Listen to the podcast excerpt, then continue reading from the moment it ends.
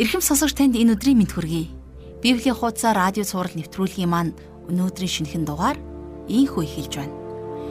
Бид өнгөрсөн хичээлээр Сирийн жанжин намаан хэрхэн эдгэрч мөн Илиша намааны бэлгээс татгалцахад Илишагийн зарцгийнхаас шунхаарч тэр бэлгийг нь өөрийн болгоснороо хэрхэн хараагдсан тухай бид үзсэн. Өөрөөр хэлбэл өнгөрсөн хичээлийг бид нэр товчхон дурдвал дүгнвэл шунхаарлын эсрэг хичээл байсан гэж хэлж болно. Шунлын алив хэлбрээс өөрийгөө хамгаал гэж энэ үг ямар утга учиртай болохыг та өнгөрсөн хичээлээс сайтар ойлгож авсан болов уу? Тэгвэл өнөөдөр бид хамтдаа үргэлжлүүлэн иш үзүүлэгч Элишагийн гайхамшигт үйлчлэлүүдээс хамтдаа суралцголно. Бурхан бидний амьдралын том жижиг бүхий л асуудалд санаа тавьдаг тийм л агуу хүчрхэг бурхан эзэн. Бидний амь амьдрал гайхамшиг тохиолдохгүй байсан ч гэсэн бурхан бидэнтэй үргэлж хамт байгаа бидний амьдралыг бурхан өөрийн сайн хүслийн дагуу ямагт жолоодож байдаг шүү. Бурхан ард түмнээ орхилгүйгээр иш үзүүлэгчтэй байнга дунд нь байлгаж тэднэр зэмлэх үед зэмлүүлж өөрийн удирдамжаа тэднэр бас өгсөөр байсан. Тэр үед эзэн хаад хаанаа хийж байж л байсан. Хаад нь эцэг Давид хааны зүрх сэтгэлийг хадгалж чадаагүй учраас Бурхны үгийг сонсох чадваргүй болсон байлаа. Тэгвэл өнөөдөр иш үзүүлэгчийн зөвлөгөө яагаад хүчтэй байдгийг нууцна. Библийн хуудасаа радио хичээлийн мөн тодруулан хэлбэл 2 дугаар хаад намын 6 дугаар бүлгийн 1-ээс 33 дугаар ишлэлээр тэрэл нууц задрах болно. Иш үзүүлэгчийн зөвлөгөө яагаад хүчтэй байдаг вэ? Энэ л асуултын эрэлт хамтдаа мордцгоё. Харин хичээлийг бурханы мутар даатгаж яг одоо залбирцгаая. Бурхан эзэн минь Таны үг бол бидний замдах гэрэл, бидний хүлдэх дэнлүү илээ. Энэ өдөр та өөрийнхөө үгээр бидний замыг гэрэлтүүлж, өөрийнхөө замаар бидний хөтлөн дагуулаач. Таны үгээр дамжуулан бид таныг улам илүү таньж мэдж, таны хүслийн дагуу амьдрахыг хүсэж байна. Та бидэнд утга учирыг, тэр зориг тэмүүллийг дүүргэж өгөөч. Бурхан минь, та бидний амьдралын замыг гэрэлтүүлэх тэрл гэрэлт дэнлүү болсон үгээ энэ цагт бидэнд хэлээч Бид өөрсдийнхөө оюун бодлынхоо тэр хязгаарлагдвал байдлаар бид үгийг ойлгох биш. Харин ариун сүнс минь ээ таны тэр хязгааргүй мэрэгэн ухааны ох ундраагаар тэр удирдамжаар үгийг ойлгож, тунгааж, бясалгаж тэг амьдралдаа нэвчүүлэн шингээхийг хүсэж байна. Эзэн минь хичээлийн энэ цагийн эхнээс нь дуустал бид таны ариун мотор дүргэж байна. Та удирдан жолоодож өгөөрэй. Бүх зүйлийг таньдаа өргөж, Есүс Христийн нэрээр залбирanгуйж байна. Амен. Харин одоо жаргалах шин хичээлийг анхааралтайгаар хүлээн авч сонсцгоё.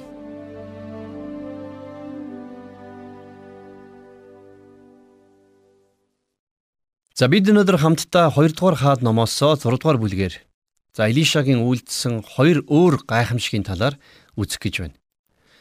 Хэрвээ та санаж байгаа бол Илиша бол үнэхээр агуу иш үзүүлэгч байсан. За хэдийгээр тэрээр Илиягийн шав байсан ч гэсэн Илиягаас олон талаараа их өөр байсан. Илиягийн үйлчлэл илүү олон түмэнд хандсан үйлчлэл байсан болвол харин Илишагийн үйлчлэл бол илүү хувь хүмүүст хандсан үйлчлэл байсан юм. За тэгэхээр бид өнгөрсөн хичээлээр Илиша Арамын жанжин наамныг хэрхэн эдгээсэн тухай үзсэн байгаа. Тэгэхээр Илиягийн үйлдэлсэн гайхамшгууд илүү сүр дуйлантай байж.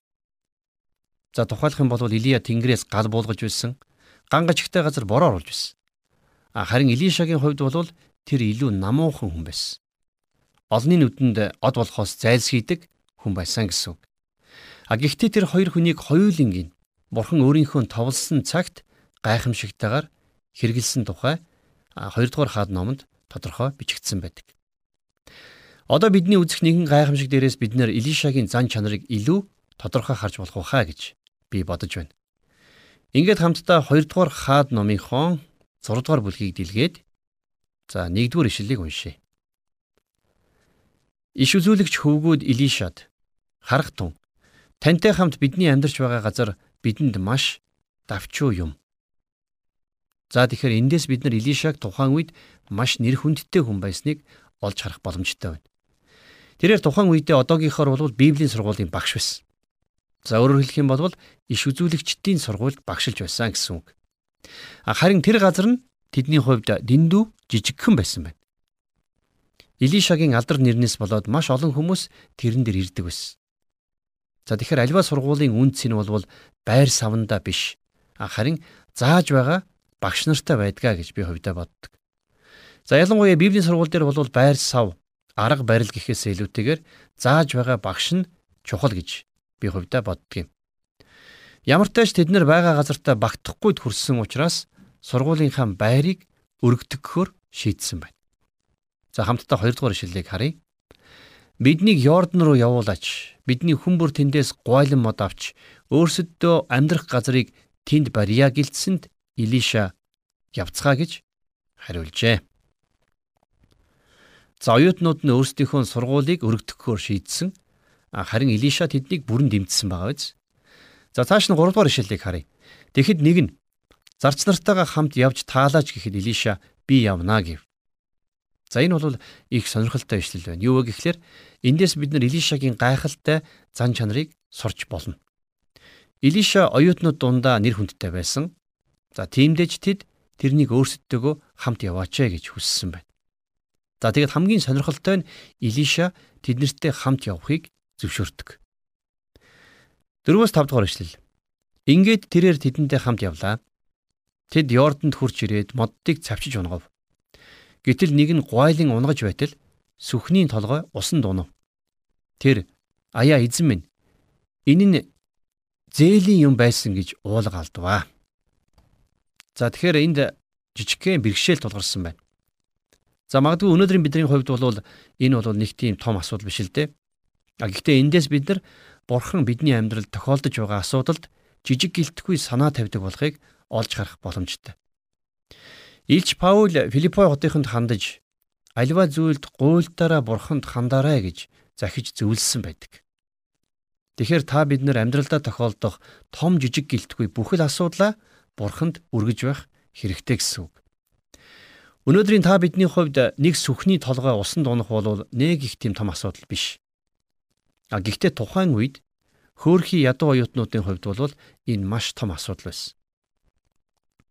За өнөөдөр бид нар шаардлагатай бол барилгын материалын дэлгүүр ороод алхас сүх өөрт хэрэгтэй байгаа бүхий л багж хэрэгслээ хүссэн хэлбэр хэмжээгээр нь худалдан авах боломжтой. За тийм учраас энэ бол бидний хувьд бол тийм том асуудал биш ээ. Харин тухайн үед бол төмөр идэл, төмөр багж зэвсэг гэдэг маш ховор ид байсан. За хэрвээ тухайн үеийн нөхцөл байдал ямар байсныг олж мэдье гэвэл 1-р Самуэлийн 13 дугаар бүлгийн 22 дугаар ишлэлийг харахад хангалттай. За энэ ингэж бичсэн байдаг юм. Тэнд тулалдааны өдөр Саул болон Йонатантай хамт байсан ард олны хинийхэн ч гарт илдэж жадаж байсангүй. Харин Саул болон түүний хүүгүн Йонатан л байваа гэж бичигдсэн байна. Тэгэхээр та бодоод үзтээ бүхэл бүтэн айрмын хэмжээнд ердөө хоёрхан сэлэн байсан гэд. Тэгэхээр тухайн үед төмөр багж зэвсэг. За тэр битгийг л зэвсэг ямар ховор байсныг талав төсөөлөх боломжтой байна. Тэгэхээр ийм ховор нандин багжаа усан дунгаана гэдэг бол тэр залуу оюутны хувьд маш том гарц хохирол байсан. За мэдээж тэр залуу энэ үнтэй багжаа хүнээс зээлж авсан байсан. За зарим библийн багш нар энэ залуу хүнээс юм зээлж авсан мөртлөө тэрнийг их хайхрамжгүй хандсан гэж буруутгах гээд байдаг л да. Харин Илиша бол хизээш тэрнийг буруутгаагүй. За тухайн үед сүхний толгой ишнээсээ мултрах нь түгээмэл байсан юм. За ямар сайндаа л Мосегийн хуйланд за тухайлах юм бол Дид хууль номын 19 дугаар бүлгийн 4-5 дугаар ишлэлдэр нэг ийм ишлэл гардаг. Хөршөө урдийн сонзонгоор биш. Санамсаргүйгээр алсан тохиолдолд тухайлбал хүн хөрштөөгөө хамт мод огтлохоор ойд очиж мод унгахаар гартаа барьсан сүхээр цавчтал сүхний толгой нишнээсээ молт үсрээд хөршийг нь цохиж өнөөх хүн өхвөл тэрээр тэдгэр хотын аль нэгэнд нь зүхтан очиж ам мултарч болно гэж заасан байх байд. За тэгэхээр тухайн үед иймэрхүү зүйл нилээд түгээмэл тохиолддог байсан учраас Бурхан энийг хуулиндаа хүртэл тусгаж өгсөн байна. За тэгээд мод цавчиж байсан залуу маань хөдөлмөрийн аюулгүй байдлын үднээс мод цавчихта хүмүүс рүү нурууга харуулж биш харин гол руу нурууга харуулж байгаа цавцсан. Тэгэхээр сүхний толгой молдрох юм бол хүмүүс рүү үсрэх биш харин гол руу унна гэсэн утгаар тийм ээ. Тухайн үед ядуу оюутан өөртөө сүхгүй байна гэдэг бол одоогоор оюутан хүн асар үнэтэй машин унаад явж байгаатай яг л адилхан. За өөрөөр хэлэх юм бол тэр нь энэ сүхийг хүнээс зээлэхээс биш өөртөө ийм сүхтэй байх ямар ч боломж байгаагүй гэсэн. За харин ч толгойд сугардаг сүхийг хүнд зээлдүүлсэн тэр нөхөртөө бол асуудал ярих хэрэгтэй. За надад бол зөөрлүүлэх юм бол хизээч өмсдөггүй. А хэр тааравхан муу хувцаа бусдад өгчгөөд. Тэгээ тэрнийг айхтар том үйлчлэл хийчихлээ гэж боддог итгэгчтэй адилхан санагдаад байгаа юм. За ингээд сүхний толгой усанд живж нөгөө залуу дааж давшгүй өртөө хоцорсон. За тэгээд яахаа мэдэхгүй сандарч эхэлсэн байна. Харин Илиша яасан бэ? Тэгтэл бурхны хүн сүхч нь хаана унсан бэ гэж асуусан гэж бичсэн байна. За зарим хүмүүс хэрвээ Илиша иш үзүүлэгч юм бол яахаараа ийм асуудаг юм бэ? Сүх хаан унсныг тэр мэдэх ёстой шүү дээ гэж шүүмжилдгэлтэй. Хаан унсныг Илиша мэдэж байсан гэж би бодож байна. А гэхдээ тэр залууг Илиша шалгасан. Өөрөөр хэлэх юм бол тэр залуу анхаарал хайхрамжгүй салан палан байдлаасаа болоод сүхээ алдчихад хаан байгааг нь мэдэхгүй сууж байсан уу үгүй юу гэдгийг бид нэр эндээс харж болно. За нөгөөтэйгөр Илишад ингэж асуух өөр нэгэн шалтгаан байсан байх. За Йордан гол бол маш болонгортой гол. За тийм учраас усны ёроолд хаан юу байгааг дээрээс нь харах боломжгүй байсан. Тэгэхээр хаан унсныг нь тэр залуу мэдэж байсан ч гэсэн сүхний толгойг олж харах ямар ч боломжгүй байсан гэсэн үг. За тэгээд юу болсон бэ цааш та? 6 дугаар ишлэгийг харъя. Тэгтэл бурхны хүн сүгч нь хаана унсан бэ гэж асуусанд тэр хүн түүнд тэр газрыг харуулв. Илиша саваа тайран тийш шидэж төмрийг хөвүүлв. За юу болчих вэ? Энэ бол үнэхээр гайхамшиг байсан байна. За тэгэд яагаад ийм зүйл болсныг бид нэр шинжлэх ухаанаар тайлбарлах аргагүй. Энэ гайхамшиг хэдийгээр тийм их сүр дүүлэнтэй байгаагүй ч гэсэн галан тэргээр тэнгэрт одох мэд сүртэй байгаагүй ч үнэхээр гайхамшигтай үйл явдал байсан. Ингийн хэрнээ маш агуу үйл явдал болсон. Юу вэ гэхлээр төмөр усан дээгүр хөвсөн байна. Тэгэхээр энэ бол бидний мэдих физикийн хуулийн эсрэг үйл явдал байсан. Өнөөдөр бүхэл хөлөг онгоцнуудыг төмрөөр хийдэг болсон. За төмрөөр хийсэн хөлөг онгоц бүхэл далай тэнгисээр аялж байгаа. А гэхдээ энэ бол бидний хувьд гайхамшиг биш л дээ. А харин Йордан голын усанд төмөрсөх зомгол мэт хөвж явна гэдэг бол үнэхээр гайхамшиг. Хэрвээ Илия энд байсан бол хизээч ийм арга замаар ийм гайхамшигыг хийхгүй байх байсан баг. За тэр чүтгийн хэл Илия бол ийм зүйлийг тоогчгүй байсан. А магадгүй Илия за за хүмүн одоо яа гэхэвдэ гэж хэлэх байсан байх. Харин Илиша бол тийм хүн байгаагүй бохир болонгортой Йордан голын ёроолт хөвтөж байсан сүхний толгойг тэр гаргаж өгсөн. Ишийн солиод дахиж сугархааргүй болгоод эзэнт нь эргүүлж өгсөн байна. Энэ бол үнэхээр мундаг гайхамшиг шүү. Ягд гэхлээр энэ гайхамшигын цаана гайхалтай сүнслэг утга агуулгадж байгаа юм. Өнөөдөр биш үү хүн төрлөختөн гэдэг бол яг л тэр сүхний толгойтой адилхан. Тэр байх ёстой байрнаасаа мултарч унсан, бохир усан живсэн, Илиша саваа тариад түүнийг усанд дүрсэн. За тэгээд энэ саваа нь Христийн загалмайг төлөвлөдөг. Бидний эзэн Есүс тэр загалмай дээр амиа өгч байж бидний төлөө тэрхүү үхлийн гол руу шумпсантай яг адилхан үйлдэлийг хийсэн. Тэгэхээр Петр өөрийнхөө анх дугаар загтлын 2 дугаар бүлгийн 24 дугаар эшлэлдэр нэг ингэж бичсэн байдаг. Биднийг нүгэлд өхүүлж зөвхт байдалд амьдруулахын тулд тэр өөрөө бидний нүглийг модон дээр биедээ үүрсэн. Учир нь та нар түүний шарахаар эдгээгдсэн билээ гэж бичсэн байна. Өнөөдөр хүмүүс бид нар зөвхөн Есүс Христээр дамжуулан үхэл болон шүүлтийн энэ уснаас мултран гарах боломжтой. За тийхүү эргээд Бурхны төлөлгөө Бурхны зоригтой нийцэн алхаж байх ёстой байранда байх ёстой ишиндээ ирж холбогдох боломжтой болох юм. Филиппочдод бичсэн загтлынхаа 4:13 дээр Паул хэлэхдээ намайг хүчрхэгжүүлэгч түүгээр би бүгдийг хийж чадна гэсэн байна. За мөн бас 3 дугаар бүлгийн 13-аас 14 дугаар эшлэлдэр харин хийдэг ганц юм маань ардхаа мартаж урд хөөдөд тэмүүлж Христ Есүс дотор Бурхны дээш чиглэсэн дуудлагын шагналын төлөө барай өд урагшилдгаа гэсэн байна. Тэгэхээр өөрөөр хэлэх юм бол Есүс Христээр авралыг авсан хүмүүсийн амьдрал утга учиртай болдгоо гэсэн үг. Ямар ч зориггүй утга учиргүй амьдралаас болоод олон олон хүмүүс өнөөдөр амиа хорлдог. Амьдрал утгагүй байна гэд амиа хорлсон хүмүүс олон байдаг. Мэдээж Йордан голын ёроолт хэвтэх сүхний толгой хинт ч хэрэггүй шиг бидний амьдрал гим нүгэл дотроо байсаар байх юм бол ямар ч утга учиргүй. Харин Есүс Христ бидний амьдралд орж ирэх тэр цагт бид буцаад Бурхны төлөлгөө зоригтой нь холбогдож бидний амьдрал утга учиртай, чиглэлтэй, зоригтой болдог. Маш олон залуучууд амьдралд хөл тавьж эхлэжгүй байж амьдрал утгагүй байна гэж ярьж байна. Тийм учраас бидэнд Бурхны энхүү гайхамшиг үнэхээр хэрэгтэй байгаа юм. Бид нар Есүс Христэд итгэж авралыг авахаас илүү гайхамшиг гэж байдаггүй. Тэнгэрөөд галан тэргээр явахч үүний дэр гэж юу ч биш. Тэгэхээр аврал гэдэг бол хамгийн агуу гайхамшиг. Есүс Христэд итгэх үед бидний амьдрал утга учиртай болдог. Бид авралыг авдаг. Иннээс илүү гайхамшиг гэж байдгуумаа. За цааш нь 7 дугаар ишлэлийг харъя. Тэрээр гаргаад ав гэсэнд тэр хүн гар сунган сүхэ авав. За одоо бол бидний хувьд гараа сунгаад тэр авралаас барьж авах л үлдсэн гэсэн үг. Ягд гэхлээр Есүс Христ бидний төлөө амиа өгсөн. Бидний авралын төлөө тэр үхлээс дахин амилсан. Одоо бидний хувьд байгаа газараас гараа сунгаад Есүс Христэс зурах, за түүнд итгэх л үлдсэн гэсэн үг. За энэ хүү үйл явдлын дараа болсон үйл явдал бидэнд их танил сонсогдож магадгүй.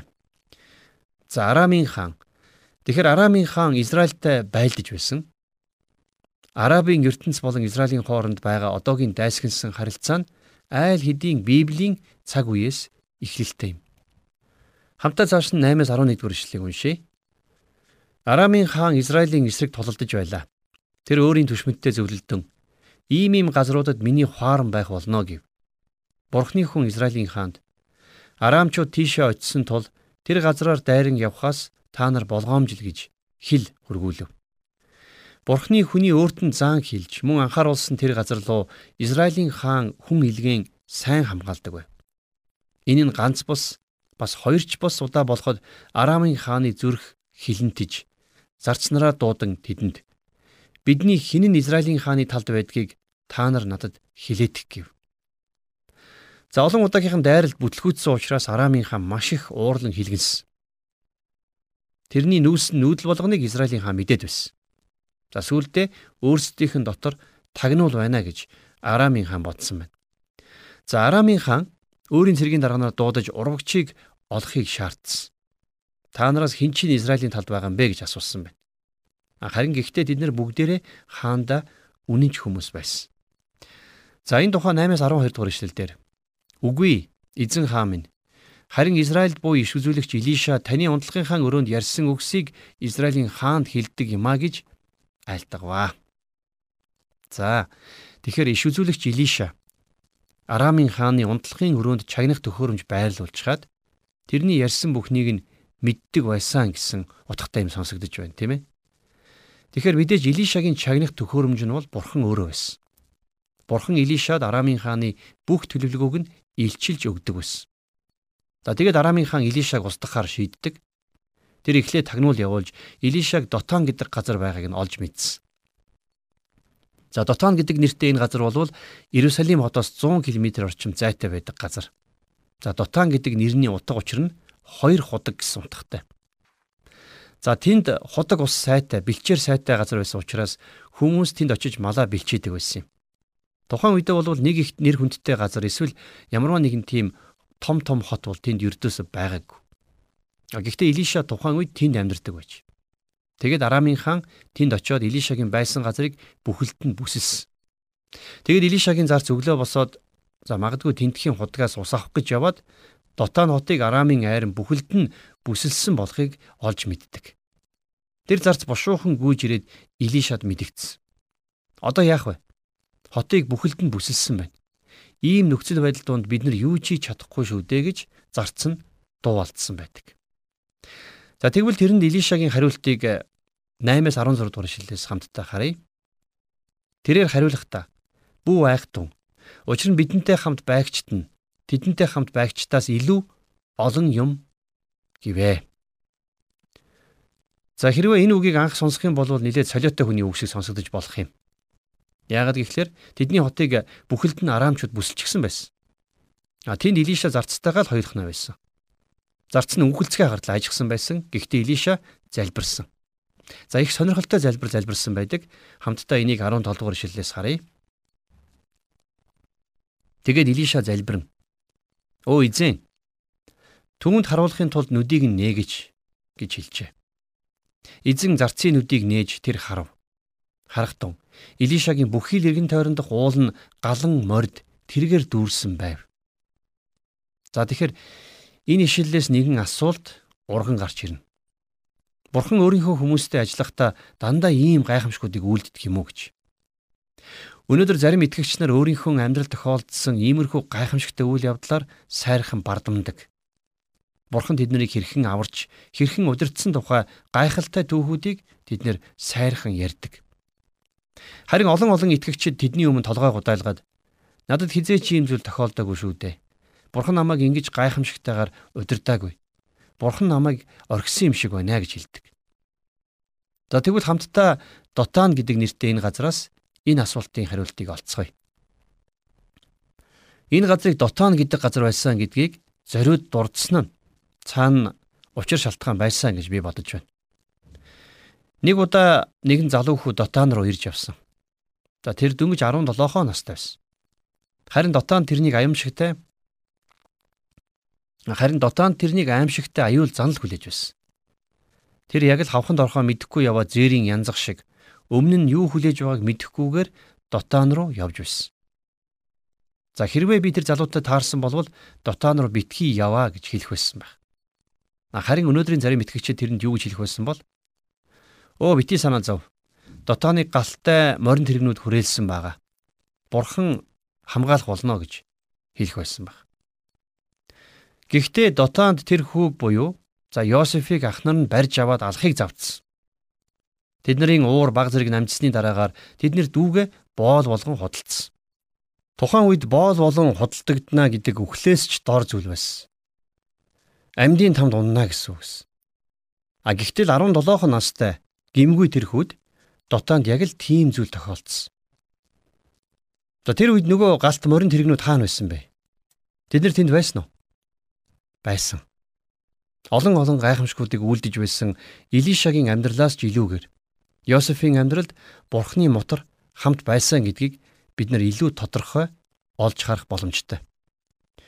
Йосеф болвол хизээч Илиша шиг гайхамшиг үйлдэж байгаагүй. Йосефт бурхан хизээч харагдаж байгаагүй. А гэхдээ Йосефийн амьдрал тохиолдсон бүхнийг бурхан хэрглэж байсан. А Йосеф ч гэсэн өөрөө хожим нь энийг ойлгодог. Тэм учраас тэр ах нартаа та нар намайг хорлох гэсэн боловч бурхан энэ бүхнийг сайнаар эргүүлсэн юм а гэж хэлж байсан. За үйл явдлыг цааш нь үргэлжлүүлээд 18 дугаар ишлэлээс хамтдаа харъя. Тэд түүн рүү буун ирэхэд Илиша эзэн залбирэн энэ хүмүүсийг сохор болгооч би гуйж байна гэв. Ингээд Илишагийн үгийн дагуу тэр тэднийг сохор болгожээ. За тэгэхээр энд Илиша нэгэн юр бишийн юм хийсэн байгаа биз? Тэрээр Арамын дайчдыг сохор болгож өгөөч ээ гэж залбирсан. За тэгэд бурхан залбирлыг нь хариулсан байна. Тэгэд Илиша тэднийг Самар руу дагуулж аваачаад Израильчуудын гарт өгдөг. А гэхдээ Израилийн хаан тэднийг устгах уу гэж асуухад Илиша хэрэггүй гэж хэлдэг. Харин ч тэднийг хоололж ундал гэж хэлсэн нь хачирхалтай. Хамтдаа 6 дугаар бүлгийнхээ 23 дугаар ишлэлийг харъя. Ингээд тэр тэдэн зориулан их найрыг бэлтгэв. Идэж уусныхан дараа тэр тэднийг явуулсанд тэд эзэндээ буцав. Арамчуудын дэрмийн бүлгүүд Израилийн нутаг руу дахин халдаж ирсэнгүй. За тэгэхээр Илишагийн энэхүү хүчрхэг хэрнээ өгөөмөр нэгүүлсэнгүй үйлдэл Арамын хааны довтлогоог зогсоосон. Тэгээд тэр Израилийн эсрэг дахин дайдгаа болжсон байна. А гэтэл дараа нь Арамын хаан Бен Хадад Самарын эсрэг дахин дайрсан байдаг. За энэ тухай Библийн түүхэнд 24-өөс 25 дугаар ишлэлдэр юу гэж бичснийг хамтдаа уншийе. Үүний дараа Арамын хаан Бен Хадад өөрийн бүх зэрэгээ цуглуулan хөдөлж Самарыг бүслэв. Самарт их өлсгөлэн болов. Үзэгтэн Илжигний толгой 80 мөнгөн шикел, Кабийн 4-1 тактааны сангас 5 мөнгөн шикелээр зарагдах хүртэл тэд хотыг бүсэлвэ гэсэн байна. За тухайн үед маш ширэн өлсгөлэн болсон учраас Илжигний толгой хүртэл асар их үн хүрэх болсон. Хоньны толгой чанаад идэхэд хэр их мах гардаг вүлээ дээ. За тэр битгийх л тактааны сангасыг хүртэл зарж байсан гэж бичсэн байна. Ерөөсөө идэж болох бүх зүйлсийг тэд нар идэж байсан. За тэгээд байна штэ. Дараагийн ишлүүдийг харах юм бол бүрч аимшигтай зүйлсийг бичсэн баг. Хоол хүнсгүй болсноосоо болоод хүмүүс Тэр байтугай бүр үр хүүхдээ хүртэл идэж эхэлсэн. Илжигний толгой, дахианы сангас авах мөнгөгүй хүмүүс нь юу ч хамаагүй бүр төрсөн хүүхдээ хүртэл идэж байсан тухай Библиэлд тэмдэглэн бичсэн байна. За 31-р ишлэлийг харъя. Тэгээд хаан хэрв Шафатын хүү Илишагийн толгой өнөөдөр мөрөн дээрээ үлдэх юм бол намайг бурхан шийтгэг. Бүр илүүч үйлдэг гэвэ гэсэн. Яагаад Израилийн хаан Илишад ингэтлээ ууралсныг бид нар мэдэхгүй. А гэхдээ ямартай ч энхүү гайхан А гэхдээ ямартай ч энхүү аимшигт бүсэлтийн цаад шалтгааныг Илишаг хэмээн хаан бодож байсан.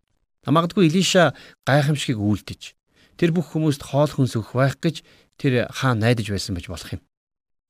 За тэгээд энэ үйл явдал цаашаа яаж өрнсөн тухай 2 дугаар За тэгээд энэ үйл явдал цаашаа яаж өрнсөн тухай 2 дугаар хаад номын 7 дугаар бүлэг дээр үргэлжлэх болно.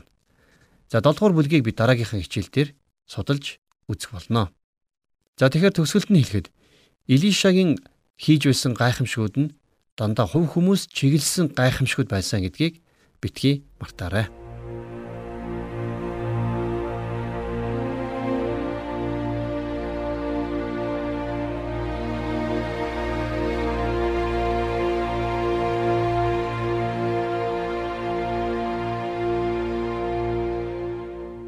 Тэгэхээр өнөөдрийн хичээлээс Бурхны хүний хардлагыг харж ойлгодгийг ойлгох нь бидний хүсснээр байдгүйг сурч авлаа. Бурхан өөрөө үгийг уншиж судалдаг. Өөрт нь тэр үгийн дагуу итгэж зүрх сэтгэлийг нь ойлгосон тэрл хүнд тогтоосон цагтаа ивэл ирүүлээ өгдөм байна. Бурхан бидний амьдралын том жижиг бүхий л асуудалд санаа тавьдаг. Тийм л ахуу инэрэнгүй бурхан. Бидний амьдрал гайхамшиг тохиолдохгүй байсан ч гэсэн бурхан бидэнтэй үргэлж хамт байна. Бидний амьдралыг бурхан өөрийнхөө сайн хүслийн дагуу ямагт жолоодож байна. Харин Элишагийн зарц шиг гарах гарцгүй нөхцөл байдалд орчлоо гэж яаран битгий бууж өгөөрэй. Бурхан эзнэр өөрийн үдийг нээлгэж амьдралдаа байгаа талархах зүйлийг олж харж түүнд бас талархлыг өргөөсэй гэж хөтлөгч миний зүгээс уриалж байна. Элишагийн хэлсэн үг үнэхээр гайхамшигтай байлаа. Бидэнтэй хамт байдаг нь бидэнтэй хамт байгстаас хамаагүй олон. Бидэнд байгаа тэдэнд байгаагаас хавьгүй үн цэнтэй юм шүү. Бурхан бол үргэлж бидэнтэй хамт байдаг бурхан. Тэр бол Имануэль юм аа. Ийхүү өнөөдрийн хичээл маань өндөрлөж байна. Дашрамт хэлэхэд бид 2 дугаар хаад намын 6 дугаар бүлгийн 1-ээс 33 дугаар ишлэлийг дуустал уншиж судлалаа. Яг одоо хамтдаа сурсан зүйлийнхаа төлөө бурханд талархаж түүний үгийг ам амьдралдаа үйл хэрэгтээ нэвчүүлэн шингээж бурхны тусгал байхын төлөө хамтдаа залбирцгаая. Бурхан эзэн минь ээ таньдаа бид талархаж байна.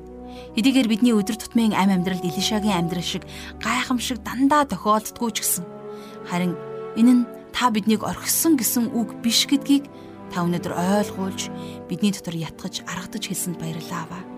Бурхан минь ээ, хэдийгээр бидний ам амьдралд гайхамшиг тохиолдоод байдаггүй ч гэсэн харин заримдаа нөхцөл байдал бидний бодсноос өөрөөр эргэж байсан ч гэсэн Эзэн минь яг энэ цаг мөчид би сүнслэг ертөнцид бид оюун бодолтой бид ам амьдралдаа танд үргэлж итгэнэ гэж тунхаглаж байна. Таны мотор бидний ам амьдралд үргэлж байж биднийг удирдан жолоод доо гэж бидэд тунхаглан ярьж байна. Эзэн минь та бидний ам амьдралыг өөрийнхөө хүслийн дагуу удирдан жолоодож өгөөрэй. Таны үг, таны мөн чанар, таны дуу хоолой, таны хүслэн бидний амьдралаар дамжуулан бусад хүмүүст илэрхийлэгдэн гэрчлэгдэх болтугай бүх зүйлээ танд өргөж Есүс Христийн нэрээр залбирanгуйж байна. Амен.